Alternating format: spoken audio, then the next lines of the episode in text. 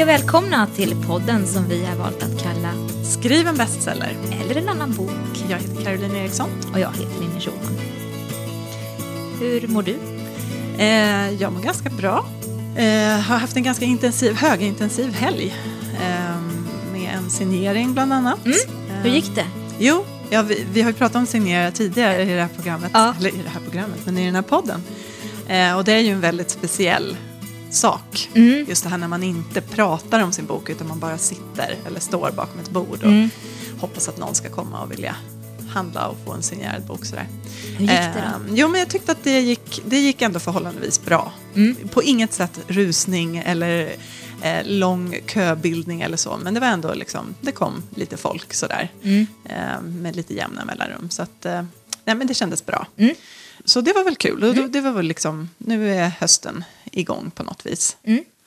Och sen så eh, är jag ju nu i ett någon slags mellanläge som är ju ganska lyxigt faktiskt att få att befinna sig i på ett sätt. Eh, det här när det finns en bok färdig och ute och släppt och eh, liksom den har blivit väl mottagen på det stora hela tycker jag verkligen att jag har fått jättefina liksom, omdömen och, och så Mm.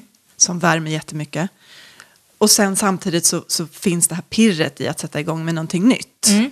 Och den här känslan som ju alltid infinner sig i början av ett projekt där man känner nu, nu, det här kommer bli så allt är möjligt. liksom, det här kan bli faktiskt riktigt fantastiskt. Världens bästa bok. Innan man börjar skriva Ja. så, så känns det ju Ja, så. jo. Eh, så att det är ju en väldigt skön fas att vara i. Mm. Vila i liksom lugnet och lättnaden och glädjen över en bok som är och sen samtidigt då Mm. gotta sig åt det man ska göra. Men det, det pirrar. Det pirrar. Mm. Men jag, samtidigt så, vi satt ju och pratade lite grann här innan, i- igen, som vi tenderar att göra. Mm. Ja. Eh, och det finns ju också då en, en känsla av att jag borde komma igång och jag borde... Man hamnar i något vakuum eller någon limbo. Att det känns som att man, man är ingen författare om man inte liksom är inne i den där... eh, In i en process. Nej, just Nej. det. Eller inne i en process. Ja, på något vis är ju det här också en del av processen. Ja, för jag går ju precis. runt, jag har ju, jag har ju små anteckningar och, Ja. och jag har liksom två olika idéer, spår som jag får liksom små Mm. så här, eh, lustfyllda eh, tankar och idéer kring. Så där, som, jag, som jag inte har valt mellan riktigt. Nej, Och det är ju en process också förstås. det är ju den bästa. Ja, det är ju en härlig del Ja. liksom, i det. Men, men det är lätt att känna att, eh, att man måste igång och börja knacka ner tecken. Mm, Att det är det. Som jag både längtar efter och på något vis också känner att jag borde. Nej, men nästa vecka har jag en, en härlig skrivresa Mm. inbokad faktiskt. Jag är nästan lite avis på mig själv. Det ska bli väldigt, väldigt skönt. Jag ska ju åka till solen. Mm. Eh, och, eh, och det är lite av en, en researchresa, tror Mm. jag. Arbetsresa. Ehm, så att, ehm, det ser jag fram emot. Det är lite skräckblandat liksom att vara mellan projekt Mm. sådär. Att, och allt, allt är möjligt och, och sen när det börjar trattas ner till någonting mer hanterbart så, så ja. Tränger sig verkligheten på. Ja, men precis. precis. Och du då? Apropå att verkligheten tränger sig på. Ja, den tränger sig på. Ja, en vecka kvar till eh, min manuslämning nu. ja precis. Mm. Och hur känns det då? Jo, men det känns bra. Mm. Jag hade huvudvärk när jag vaknade i morse. Det var inte så bra. Och när jag somnade igår kväll också hade jag huvudvärk. Eh, Det snurrar mycket tankar runt eh, och så. Men eh, på något vis så, så känner jag att jag kommer få ihop det här i alla fall. Mm. Det är ju härligt att höra. Mm. Ja, Eller härligt att känna. ja precis. Och, och att jag också ganska... Jag är förvånad själv liksom att jag lyckas hålla mig så lugn ändå. Mm. Men jag tror att det handlar om att erfarenheten har börjat verka. Ja. och också att jag känner väldigt stor tillit till min förläggare och min redaktör. Att jag vet att de vet hur jag jobbar och att det går i olika stadier. Att först är det ett råmanus eh, med massa...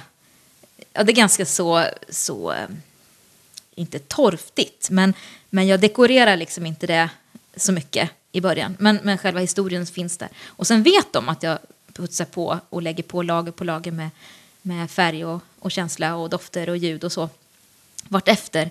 Och det är så skönt att känna att man har gjort det här förr. Och jag kan känna igen mina egna tvivel och svackor och jag kan säga till mig själv att det ordnar sig. Du har gjort det förut. Och, och det är så skönt faktiskt att känna så. För jag har inte gjort det någon gång tidigare. Då har jag, har jag fått panik så har jag jädrar fått panik. Gått in i. Gått in i paniken och Ja. levt ut den på alla sätt. Och, och piskat mig själv blodig och, och tänkt att nu måste jag verkligen göra det här bättre. Men, men nu, nu tänker jag att jag lämnar in det nu nästa vecka och sen så är det en lång, lång höst eh, där jag kan putsa på. Så det, det känns helt okej faktiskt. Och sen gillar jag den här årstiden. Jag tror det är det också. Jag tycker det är så skönt med september. Det är lugnt och det är, det är något. Jag, jag känner mig lugn och kreativ den här årstiden. Jag tror Det är att som det gjort spelar in att också. Ja, inne och skriva. Mm. ja, det är skönt. Det är skönt. Men då så nästa gång vi, eh, vi hörs, då, då har du haft din första inlämning av råmanus. Så då får vi höra hur, hur det känns och vad, vad, vad som kommer att hända härnäst. Då. Ja, Så det är spännande. Ja. Och vi önskar dig lycka till nu då. Sista, tack sista rycket den här vändan. ja den här vändan. Den här vändan. Sen kommer det fler ryck. Precis. Eh, Men apropå um, helg och högintensiv helg. Eh, jag pratar om en signering, men du har ju gjort någonting eh, ännu lite häftigare, måste man ändå säga. Ja, men det var så kul. Hagfors kommun har, har gjort en Ninni Schulman-vandring. Ja. Det låter ju helt sjukt. Det är så jäkla coolt.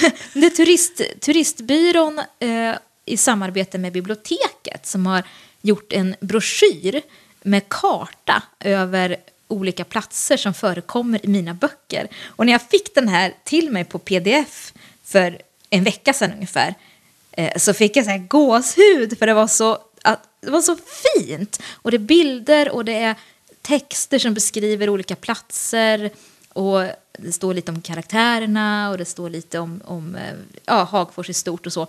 Det är så kul. Så att när Verkligen man, gediget Ja, det är eh, jätte- arbete och Ja. material. Ja. så att tanken då det är att man ska kunna gå in, om man har vägarna förbi Hagfors, att man går in på turistbyrån eller biblioteket och tar en sån här broschyr.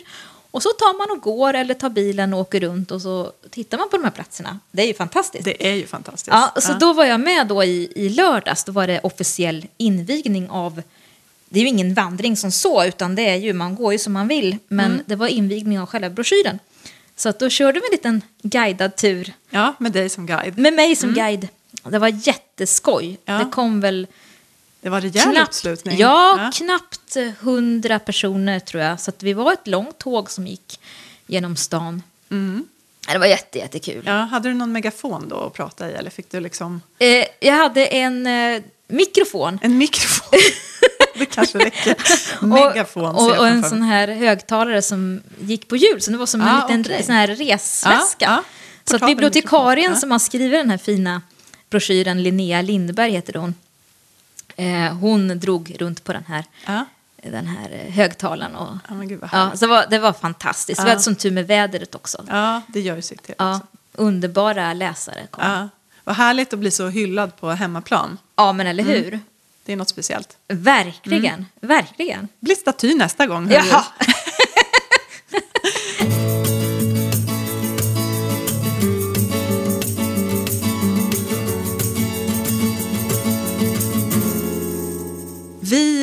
har ju fått väldigt mycket respons ifrån er eh, sen förra avsnittet. Det är vi jätteglada för. Ja. Eh, och någonting som dök upp där som det var eh, åtminstone ett par av er som eh, ville att vi skulle ha som ämne eller fundering. Det var det här med föräldraskap och skrivande och hur eller om det går att kombinera.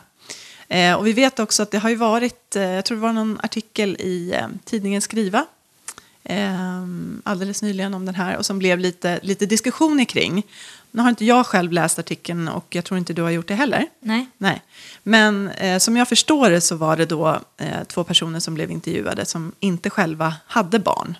Eh, men som ändå pratade om skrivande utifrån det här då, eh, föräldraskap. Och att det, eh, jag förstår det som att det, eh, att det handlade mycket om att, att det stod lite grann i motsatsförhållande till varandra. Eller att det försvårade. Eh, Men hur som helst, vi kan, inte, vi kan inte utgå från den artikeln för vi har inte läst den. Men det är ett ämne som berör och som intresserar och som man funderar på. Eh, kanske som skrivande person. Hur, hur har det sett ut för dig? Eller hur, vad har du för tankar kring det här med... För du är ju, vi är ju båda föräldrar. Hur är det för dig? Eh, nej men jag, jag tycker att det, det absolut inte finns något motsatsförhållande.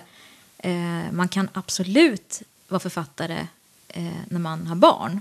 Eh, och jag, jag känner ju att, att vad skulle jag skriva om om jag inte hade barn? Eller det, det är klart att det finns annat att skriva om också men att vara förälder ger en så mycket erfarenheter som man också delar med andra. Man kan ju, man kan ju naturligtvis leva ett jätte, jättebra och spännande och innehållsrikt liv utan barn. Det, det, så är det ju naturligtvis. Men har man barn så, så, så får man ju massa, massa erfarenheter som man delar med många andra. Eh, och man utsätts också för saker på gott och ont som man kan använda sig av i skrivandet. Och, eh, och man kommer också in i barnens värld och, och ser hur deras liv ser ut. Man, det väcker mycket hos en själv som man kanske hade förträngt eh, om sin egen barndom och så. Så att jag tycker att, eh, att mina barn är en otrolig energikälla i skrivandet och när det gäller idéer och, och teman och allt möjligt. Så vad, vad, känner du?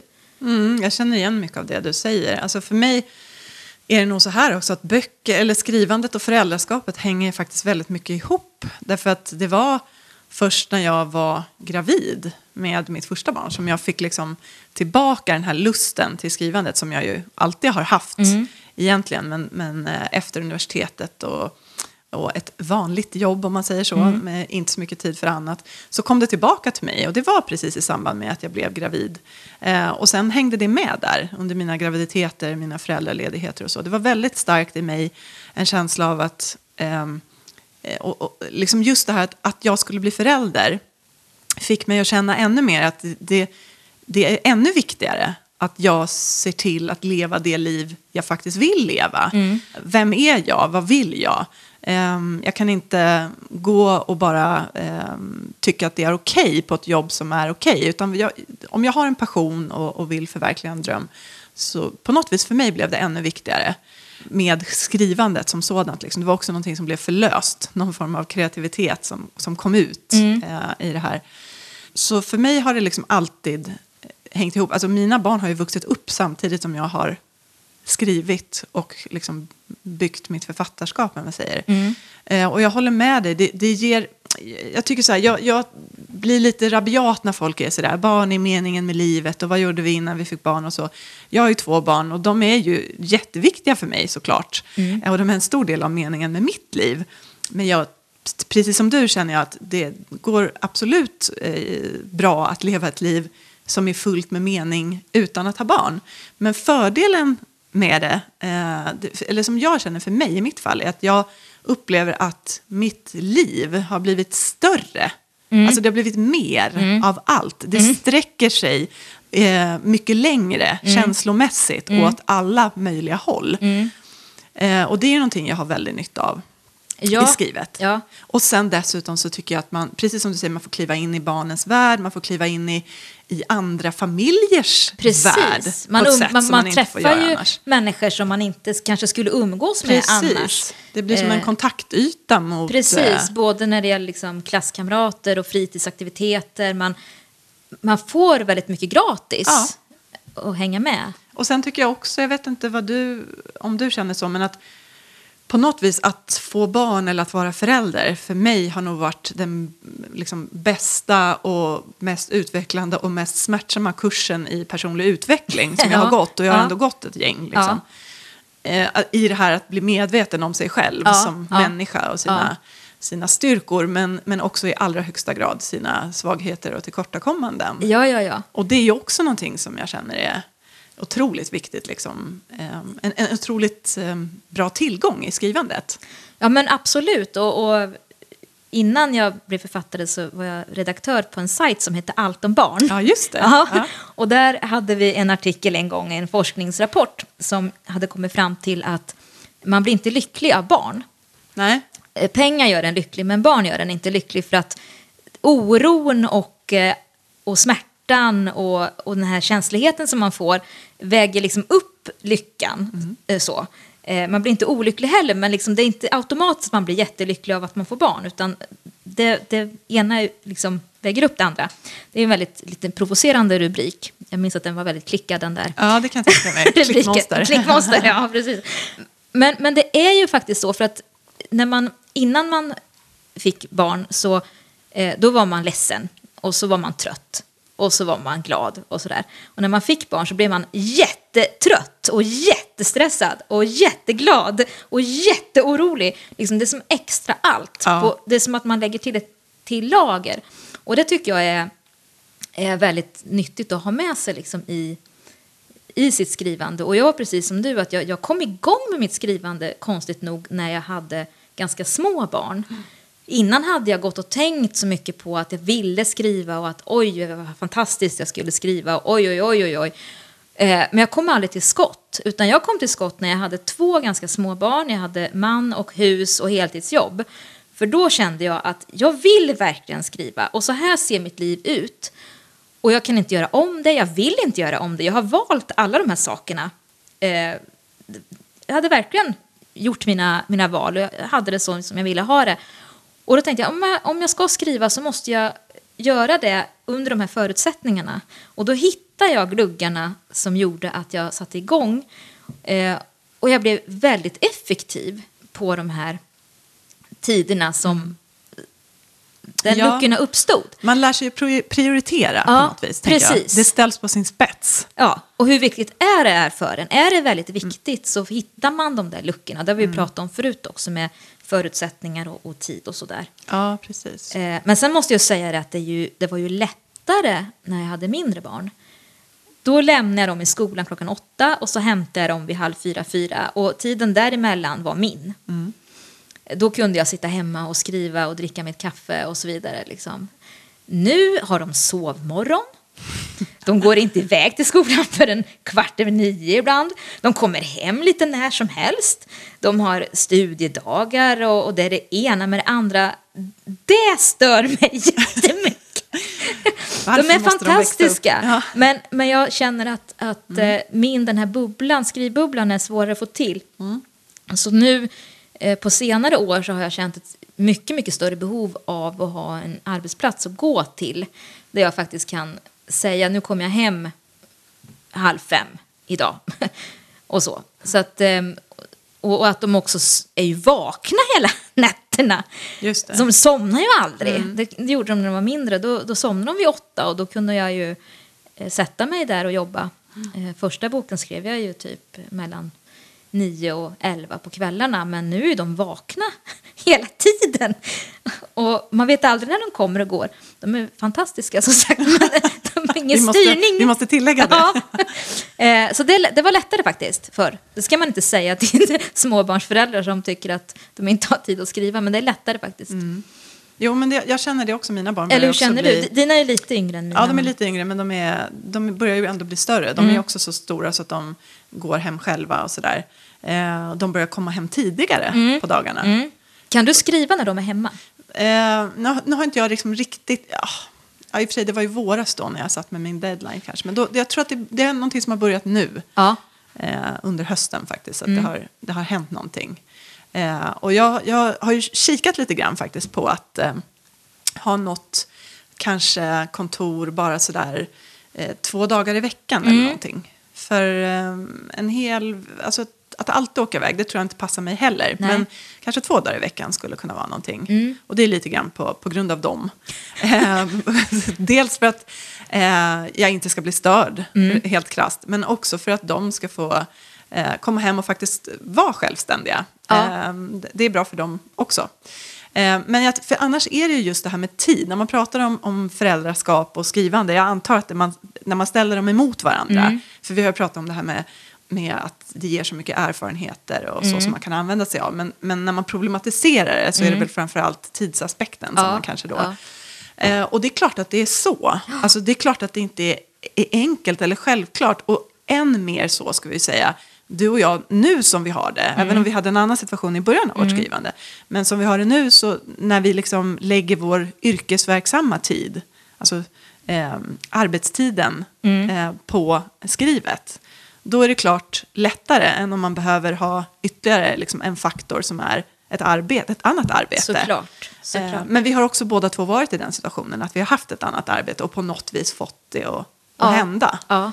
Så att det är ju det här att man, jag jag tycker så mycket att när det gäller det här med prioriteringar, att man måste, måste, måste komma ihåg att prioritera handlar inte bara om att rangordna saker i, i en viss ordning, utan det handlar om att man måste välja bort. Ja. Och man måste välja bort inte bara sånt som man ändå inte har lust att göra, man måste också välja bort sånt som man faktiskt skulle vilja göra. Man måste välja bort andra saker. Man kan inte, det- är nästan det viktigaste tycker jag, och det handlar inte bara om hur man ska kunna kombinera föräldraskap med, eh, med skrivandet, utan hur man ska kunna få tid för skrivandet överhuvudtaget. Ja, du måste välja bort. Det kommer göra lite ont, för du kommer få välja bort andra saker. Och det har både du och jag gjort längs vägen. Tv-serier, umgänge med familj eller vänner, motion. Alltså, ty- tyvärr så Ja. är det så. att du, du kan inte tro att du ska hinna allt det och skriva. Nej. Men vill du skriva så kan du hitta den tiden. Och då, det gäller ju då, och det tror jag är det absolut svåraste som mamma. Jag tror att, att kvinnor har lite svårare att släppa eh, efter och sådär och lämna över barnen till andra och, och sådär. Hoppa över kanske att åka iväg. Jag vet att du brukar skicka iväg resten av familjen till fjällen och så. Ja, sitta hemma och skriva. Ja. Och då, och då är det ganska lätt, men jag tror man är rädd tror jag, för vad omgivningen ska tycka, att vill hon inte vara med Mm. sina barn? Eh, och sådär. Så att man får nog lov att säga till sig själv att det är okej. Mm. Och också visa, liksom, visa för sina barn att det, att det är okej. Verkligen. Och jag vet att vi hade någon diskussion här att det är så lätt också att man som mamma i synnerhet säger och förlåt att jag är så här och förlåt att jag skriver så mycket och förlåt att jag inte lyssnar på vad du säger. Eh, en pappa, nu, nu generaliserar jag här. Ja, men det får vi göra. Ja, Ja. Men jag tror att en pappa kan, ganska sällan kommer hem och säger förlåt att jag kommer hem så sent. Ja. Förlåt att jag måste sitta med min veckorapport eller vad det nu kan vara. Det är ingen snack liksom. Nej. Men att vi då, eh, dels för att det här skrivandet är lite frivilligt, Mm. eh, så blir det lite suspekt. och, och, och, eh, och, och, och sen att man som mamma ska vara så tillgänglig hela tiden. Det är svårt. Det är svårt. Det är Och, och verkligen. det, det, det tycker jag är det svåraste. Ja, det finns någon form av, det, det finns en liksom genusaspekt på det här Ja. också som jag tycker att man, eh, jag har känt av det väldigt mycket själv också. Att Ja. jag, liksom, den här självpåtagna mammaskulden. eller- Kommer det inifrån dig eller säger någon till dig? Nej, alltså jag tror att det kommer inifrån, men Ja. det är väl någon form av eh, det sker väl i samspel med Ja. någon yttre, liksom, även om ingen säger det till en så känner man ju Mm. som att eh, man var en dålig mamma om man hämtade sist på dagis och sådana här saker. Ja. Eh, jag kommer ihåg när jag, eh, jag, för mig var det lite grann en trappa där jag började satsa mer och mer på mitt skrivande. Och det första som hände var att jag gick ner i tid på mitt arbete. Jag hade ju ett heltidsjobb.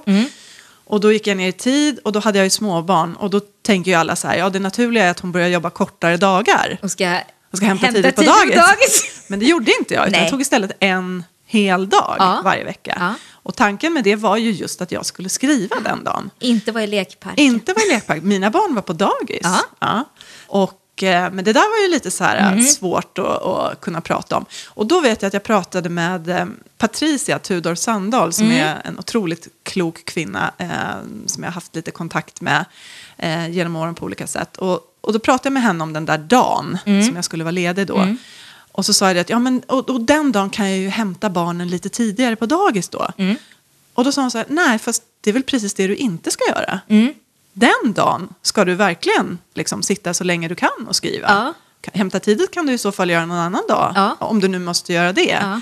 Alltså jag tänkte det, det var bara ett helt annat tänk. Ja. Att för mig var det som att då måste jag kompensera. Ja, så då kan jag i alla precis. fall hämta dem tidigt. Precis. Och hon var sådär, ja men passa på. Har du, det är väl den dagen som du ska liksom maxa. Ja. Så att, och det tror jag kanske inte, det, det tror jag lite har att göra med kvinnor och män och våra olika förväntningar och så. Mm. Nej, så jag, jag, jag förstår precis. Mm. Och, och när man är inför en deadline så här, då håller jag på hela tiden så här, "Åh, nu är det mycket den här veckan. Men, men sen, och förlåt och förlåt, men sen så lovar jag att då ska vi åka och bada och så där. Och, och då lägger jag ju över någonting som egentligen, de, de kanske inte ens vill åka och bada, men jag får för mig liksom att jag måste kompensera för någonting. Att jag, Ja. jag är liksom en hemsk människa Ja. som sitter och skriver och, som är frivilligt. Ja, eller man ska visst. Säga. Ja.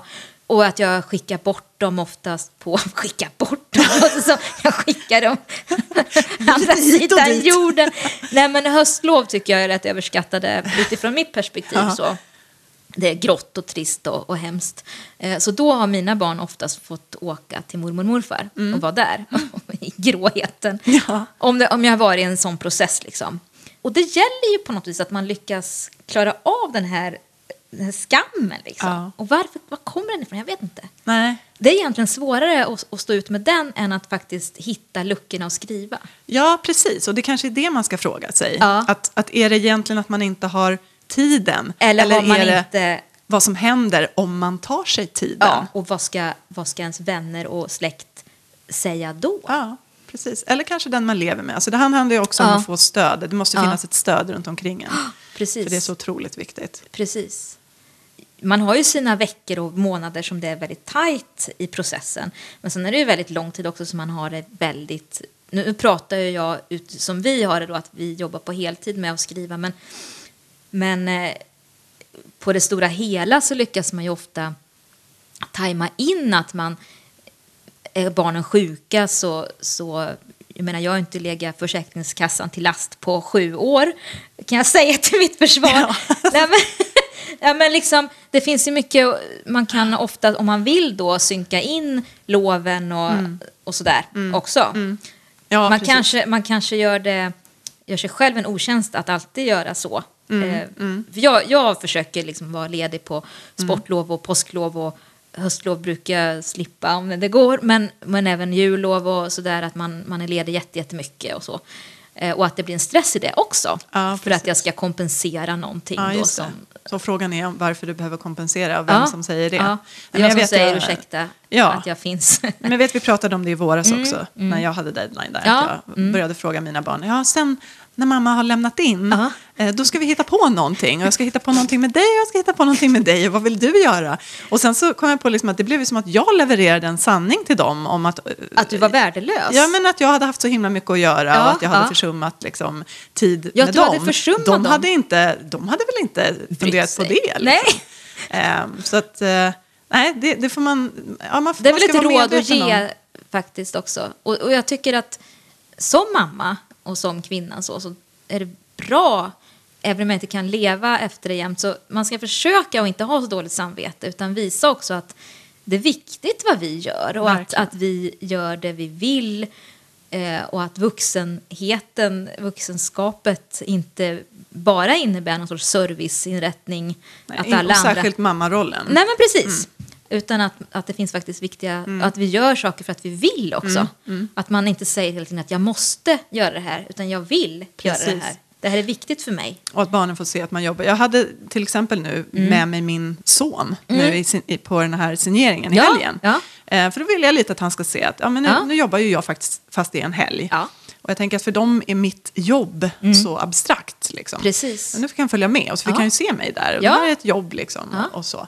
Eh, och det känns ganska bra. Mm. Så jag tänker att det, ja, det, det finns eh, olika delar i det här. Men man ska nog vara medveten om att mycket kanske ligger i, eh, inte i den faktiska, praktiska begränsningen utan i begränsningar som man sätter upp för sig själv Ja. kanske, så, känslomässigt. Men är, tror du att det beror på om, om till exempel du hade jobbat på, om du drev ett eget företag och satt hemma med bokföring på kvällarna, skulle du ha lika dåligt samvete då?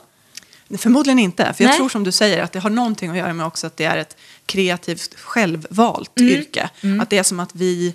eh, Leker. Ja, vi, le- vi skriver ju sagor. Mm. Ja.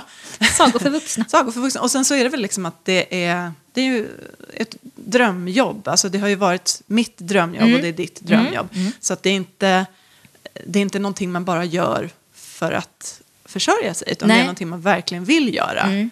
Och i det ligger ju också då en möjlig skuld. Mm. eh, Att ta på sig skuld för att man faktiskt eh, gör det Ja. som är så roligt. Ja. Men det är okej. Det är okej. Det är f- från Ninni och Caroline. Vi ger er tillåtelse. Ta er tid. Ja. Och, eh, eh, även Och det be är inte om mycket tid. ursäkt Be inte om mycket. ursäkt, precis. Och varje stund, även en liten stund, är värdefull. Ja. Så heja, Heja alla på. föräldrar.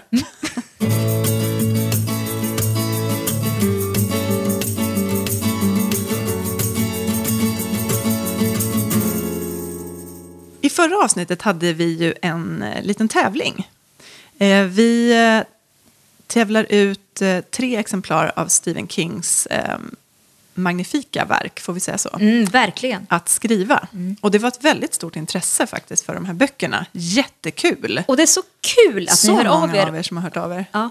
Jätte, vi blir jätteglada. ja. Eh, och, och långa svar har vi Ja. fått och, och mycket olika tankar.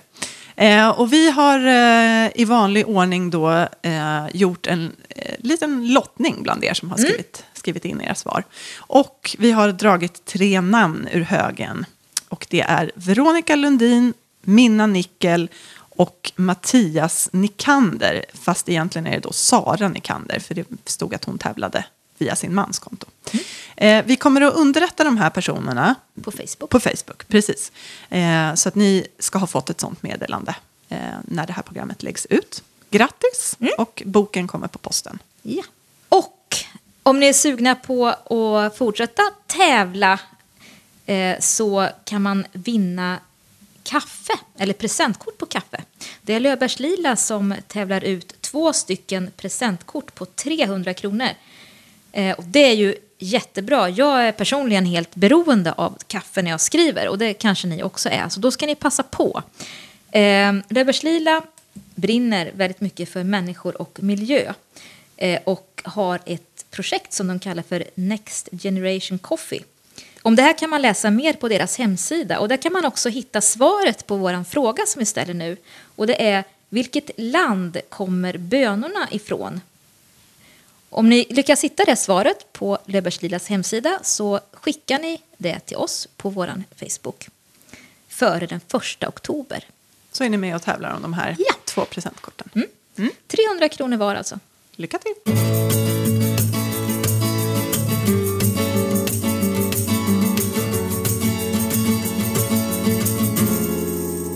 Idéer är det flera av er som har velat att vi pratar lite mer om. Ehm, och ni har frågat på, på lite olika sätt. Jag läser två exemplar, eller två exempel eh, här på frågor. Eh, men vi har fått fler. Emily skriver, man måste brinna för sin historia för att orka skriva på den i ett eller flera år. Jag undrar hur ni gör för att inte tappa gnistan eller lusten för berättelsen under skrivandets gång. Och när det händer, vad gör ni då? Malin eh, skriver, jag vill gärna att ni pratar om hur man håller fast vid sin ursprungliga idé fast man känner motstånd och inte alls känner sig motiverad, eller för den delen inspirerad, utan istället börjar skriva på andra mycket roligare texter. Hur är man trogen sitt projekt?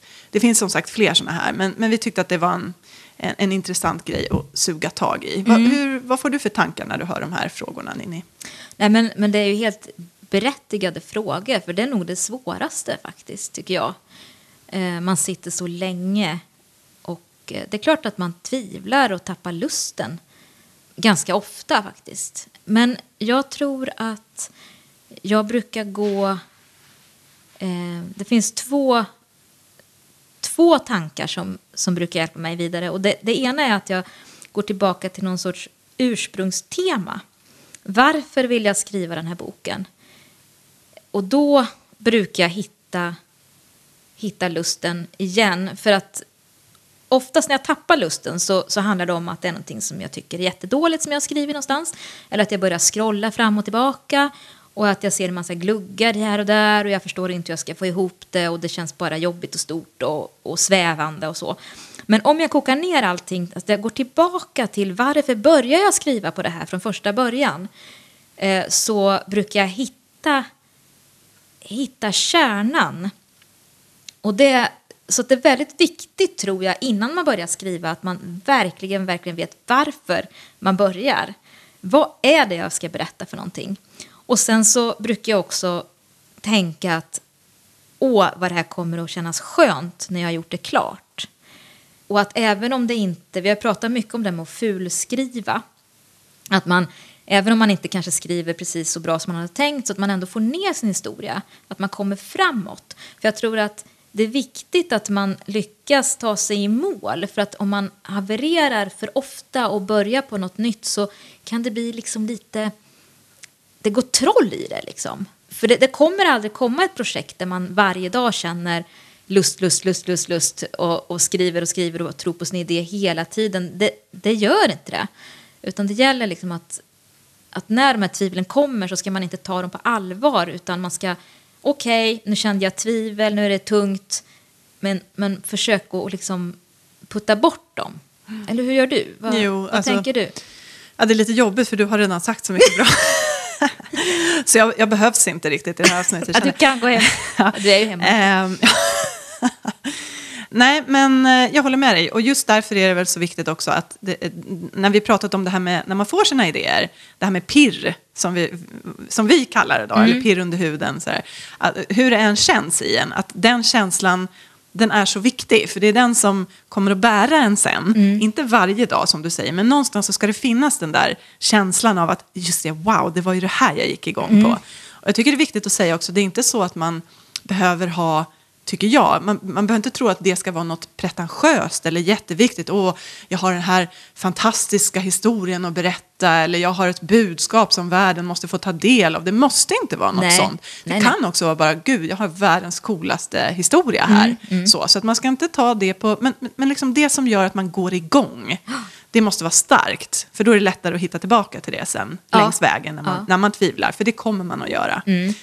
Men därutöver kan man väl också säga att eh, om man liksom, lite grann de här tvivlen eller svackorna så kan ju också bero på att man kanske har kört i diket. Eh, eller i alla fall är på väg att liksom halka av mm. eh, vägbanan lite grann. Mm.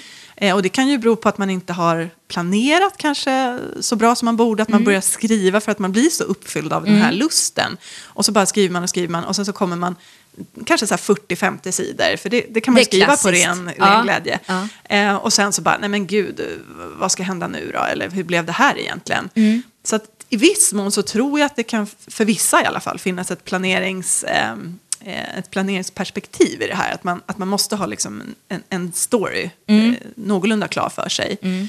Eh, och sen kan det finnas andra dramaturgiska saker, att man kanske börjar tröttna, man tycker att det, om man tycker att det är tråkigt själv, det man skriver, så är risken stor att också läsaren kommer tycka det. Mm. Och det betyder inte att hela berättelsen är fel, men det betyder att man kanske måste gå tillbaka, då kan man ju lyssna på våra avsnitt om dramaturgi och sådär, att man funderar, vad är det som inte riktigt funkar här? Har jag en väldigt lång transportsträcka? Eller mm. har jag skrivit en massa scener som egentligen inte har något syfte, som kändes lite roliga först, men nu förstår jag inte liksom vad de ska vara bra för? Eller är min huvudkaraktär en helt annan person än vad jag först trodde? Alltså att man går tillbaka och, och tänker till. Ja.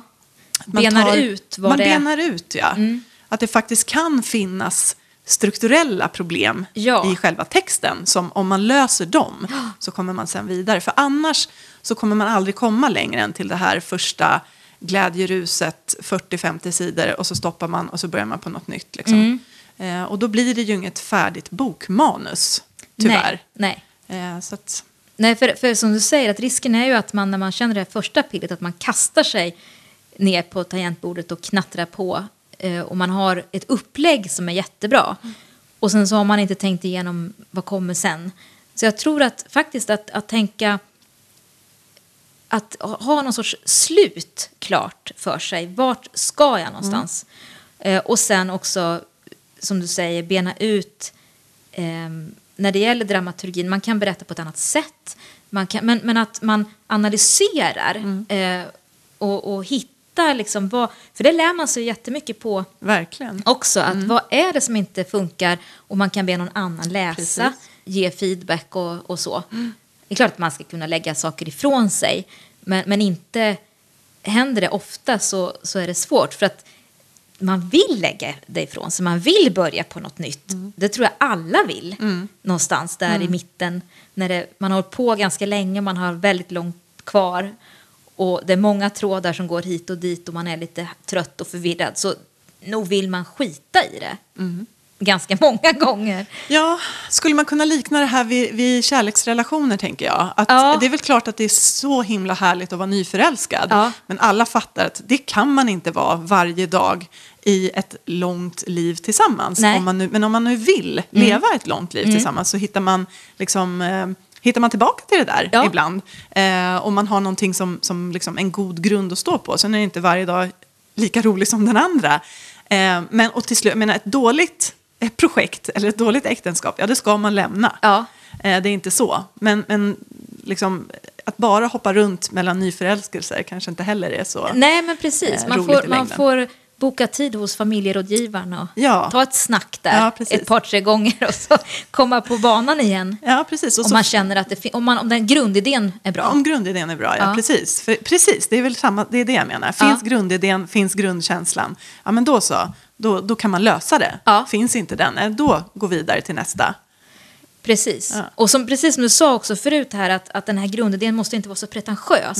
Det, det, det finns underhållningsböcker. Ja, och Ja. Det, ska, det ska man vara Och stolt ska, över. att ja, och, och har man liksom en idé om att det här ska bli den mest romantiska, romantiska eh, bok som någonsin har skrivits så är det det man ska hålla fast vid, Ja. att man tror. Och i mitt fall, då, det jag skriver på nu, då vill jag att det ska vara riktigt spännande. Och då kan jag fastna i att jag vill berätta lite för mycket ibland om andra saker. Om samhället och relationer och, och vara lite smart liksom. Ja. ja, och det är väl inget fel i och för sig. Men då, ibland måste jag liksom påminna mig själv om att det är inte därför du skriver den här boken, utan den ska vara spännande. Det är A och O, och läskig och obehaglig. Eh, så att, och då, då, kan det, då lossnar det för mig. Ja, men just det! Då kom jag på den här idén som jag fick först, att det här kommer att bli skitläskigt. Och då, då kan jag hitta, och då kan jag sålla bort vad som är viktigt och vad som inte är viktigt och, och jag får en, en, ett driv framåt igen. Så det, det, det är inte pretentiöst vi pratar Nej. om, utan det är bara Nej. en, en, det är pirret. Mm, bara det som får dig att gå igång på Ja, just det här. ingen annan, utan Nej. bara, bara dig själv.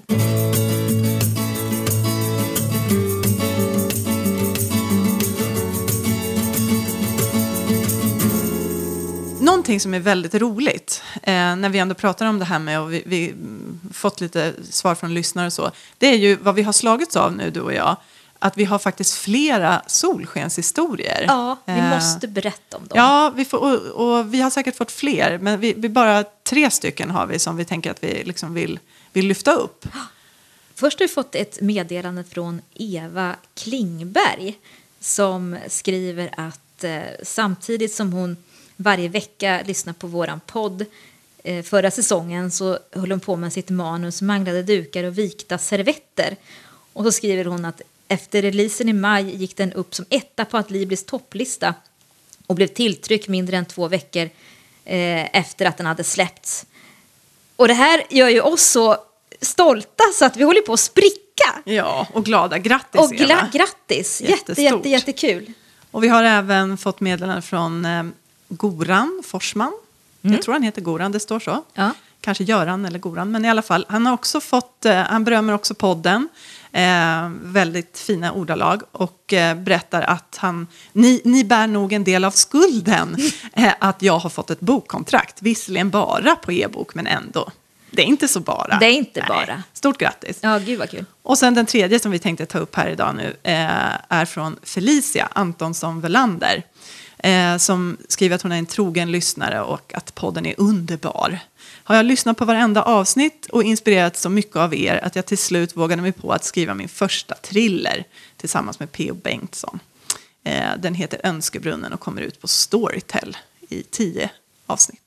Ja, det är Så så, fint. Det är Ja. så kul! Ja, det är fantastiskt. Ja. Så stort grattis till alla er. Och eh, har ni såna här solskenshistorier så får ni, som är kopplade till podden speciellt så får ni gärna höra av er. Vi blir Ja. jätteglada och, och gläds med er. Ja, det, hade, det hade jag aldrig vågat tro när vi startade Nej. våran, den här idén först. Att vårt det bokprateri skulle kunna hjälpa någon. Nej, det är fantastiskt. jättekul. ja. Så fortsätt kämpa. Det betyder jättemycket för oss. Jag Ja. blir helt så här sprudlande när jag Ja. tänker på det.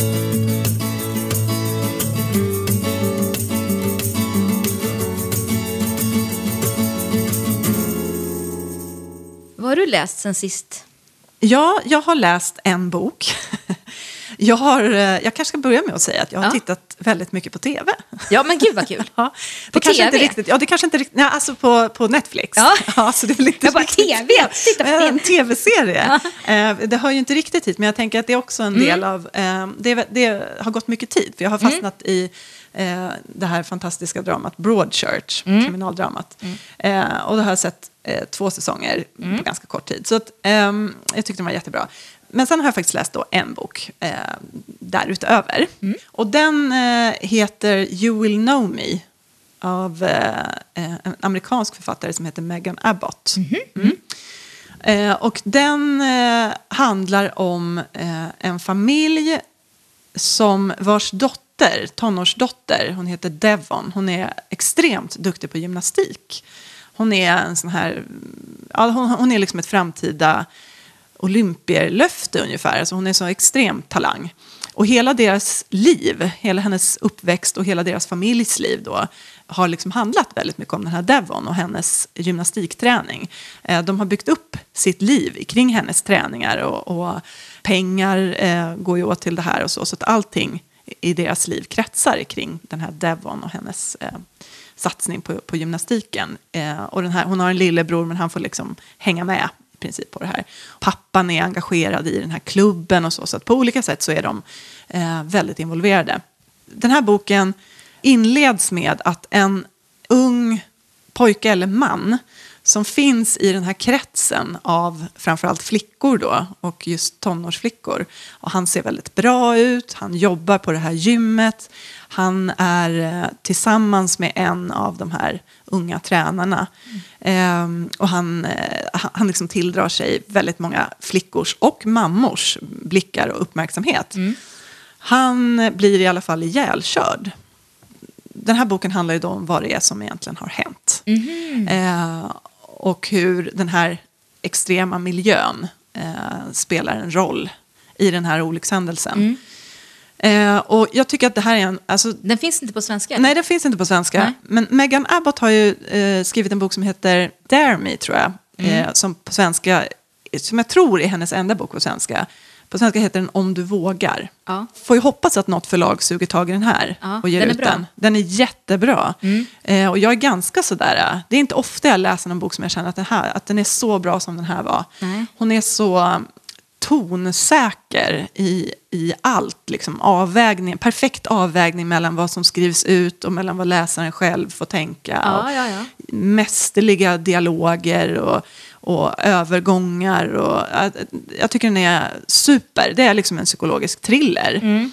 Och det som jag tycker är speciellt med den här, som jag funderar på, och det var kanske också därför jag ville ta upp det här med Broadchurch, mm. det är det här med att när man läser eller tittar på sådana här dramer, kriminaldramer eller läser en psykologisk thriller, det här med att inte veta vem mördaren är eller inte veta vem som har begått ett brott. Mm. Det är liksom en del av spänningen ju. Mm. Mm. Men samtidigt, både när den här boken då börjar så känner jag ganska direkt att jag vet hur det har gått till. Ja. Eh, den här bilolyckan. Och det visar sig också stämma mm. i slutet av boken. Mm. Samma sak med Broadchurch. Faktiskt mm. redan, nu ska jag skryta lite, men faktiskt redan i första avsnittet hade jag två personer, alltså det är någon av dem, och det var det.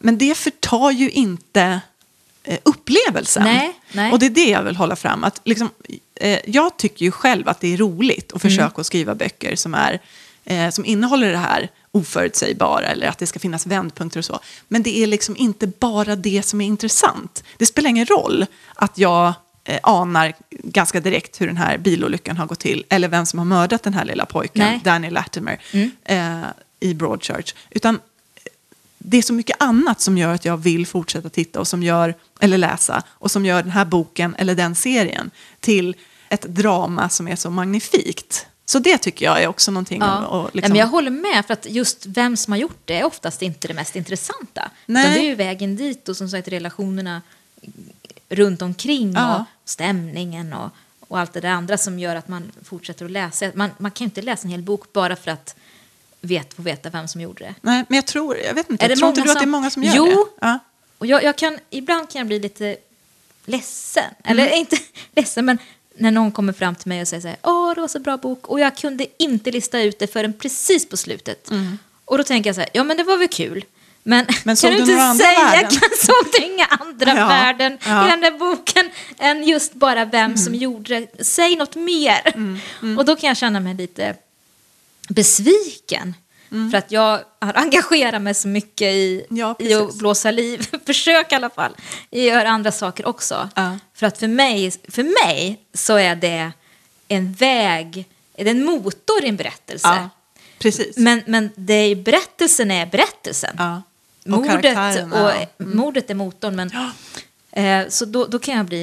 Eh, och, eh, det är ju en komplimang så att, när de säger så, Ja, visst. såklart. Jag, jag, jag blir ju glad också, men det känns liksom lite fattigt. Mm, Nej, men det var därför jag tänkte att det faktiskt är, eh, är ganska bra att säga det. Att, eh, det är inte alltid det som är... Det, det, det spelar ingen roll. Nej. Även om man, ibland kan man lista ut ganska tidigt. Ja, men man vill Eh, ändå och det vara finns ändå där. ett värde. Ja, Ja. precis.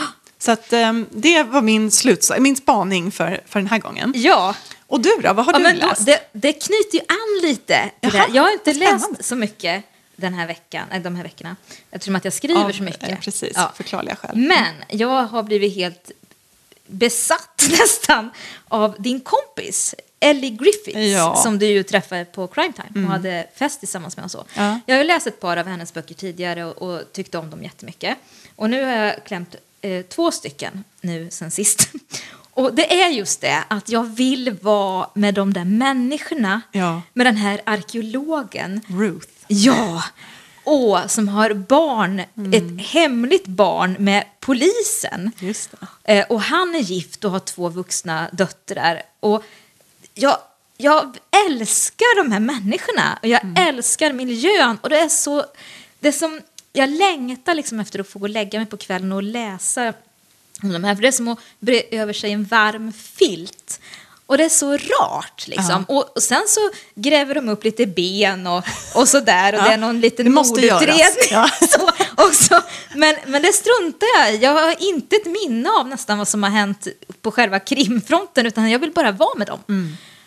Precis. Eh, och, och vad är det som gör det? det jag vet inte varför, men, Mm. men de är så mänskliga och ja, underbara karaktärer. Ja, vad härligt. Och så två på rad. Då är det liksom, Mm. Precis, och jag har en hel hög hemma. Ja. Ja, hon kommer ju ut på vårt förlag. Ja, i, precis. Så att man kan ju, vi, jag brukar sno lite böcker Ja, precis, Ja, så jag har ganska många hemma. Så nu ska jag, Fast för många i släkt ska man kanske inte läsa heller. Men, men just nu så är det precis vad jag behöver.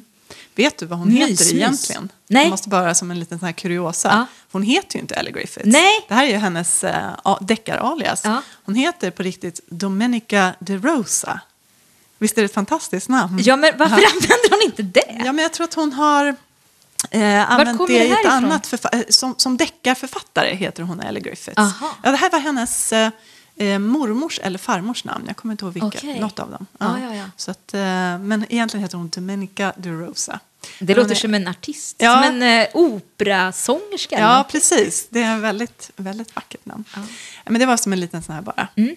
kuriosa. Men hon är en underbar människa som sagt. Och jag håller med dig om, om eh, eh, hennes... Det är bara så mysigt. Precis. Mm. Och de här personerna är otroligt eh, ömsint och eh, härligt skildrade. Ja. Ja, Men det är så himla kul att vi har så mycket lyssnare ja som är så gulliga. Ja, Fortsätt att höra av er till oss. ja, all den här responsen. Eh, det, nu tjatar vi om det igen, men vi, Men vi det- kan nog inte säga det tillräckligt hur mycket det betyder. Ja, det är så kul. Ja, vi blir så glada. Ehm, Våra och- poddisar. Ja, våra poddisar. Det är som att vi... Det är någonting extra. Mm. Så Ehm, fortsätt höra av er till oss eh, Mm. så återkommer vi om två veckor igen. Just det. Och eh, vi ska tacka Timmy Strandberg som klipper och mixar den här podden. Och Josh Woodward som står för musiken. Mm. Vi hörs. Och det gör. Hej, hej! Take time, do what you're gonna do, and just smile. You're gonna see through. Your wings are gonna sprout and lift you off the ground. No, no. Take time, do what you're gonna do. Just smile. You're gonna see it through. Your wings are gonna sprout and you will learn to fly.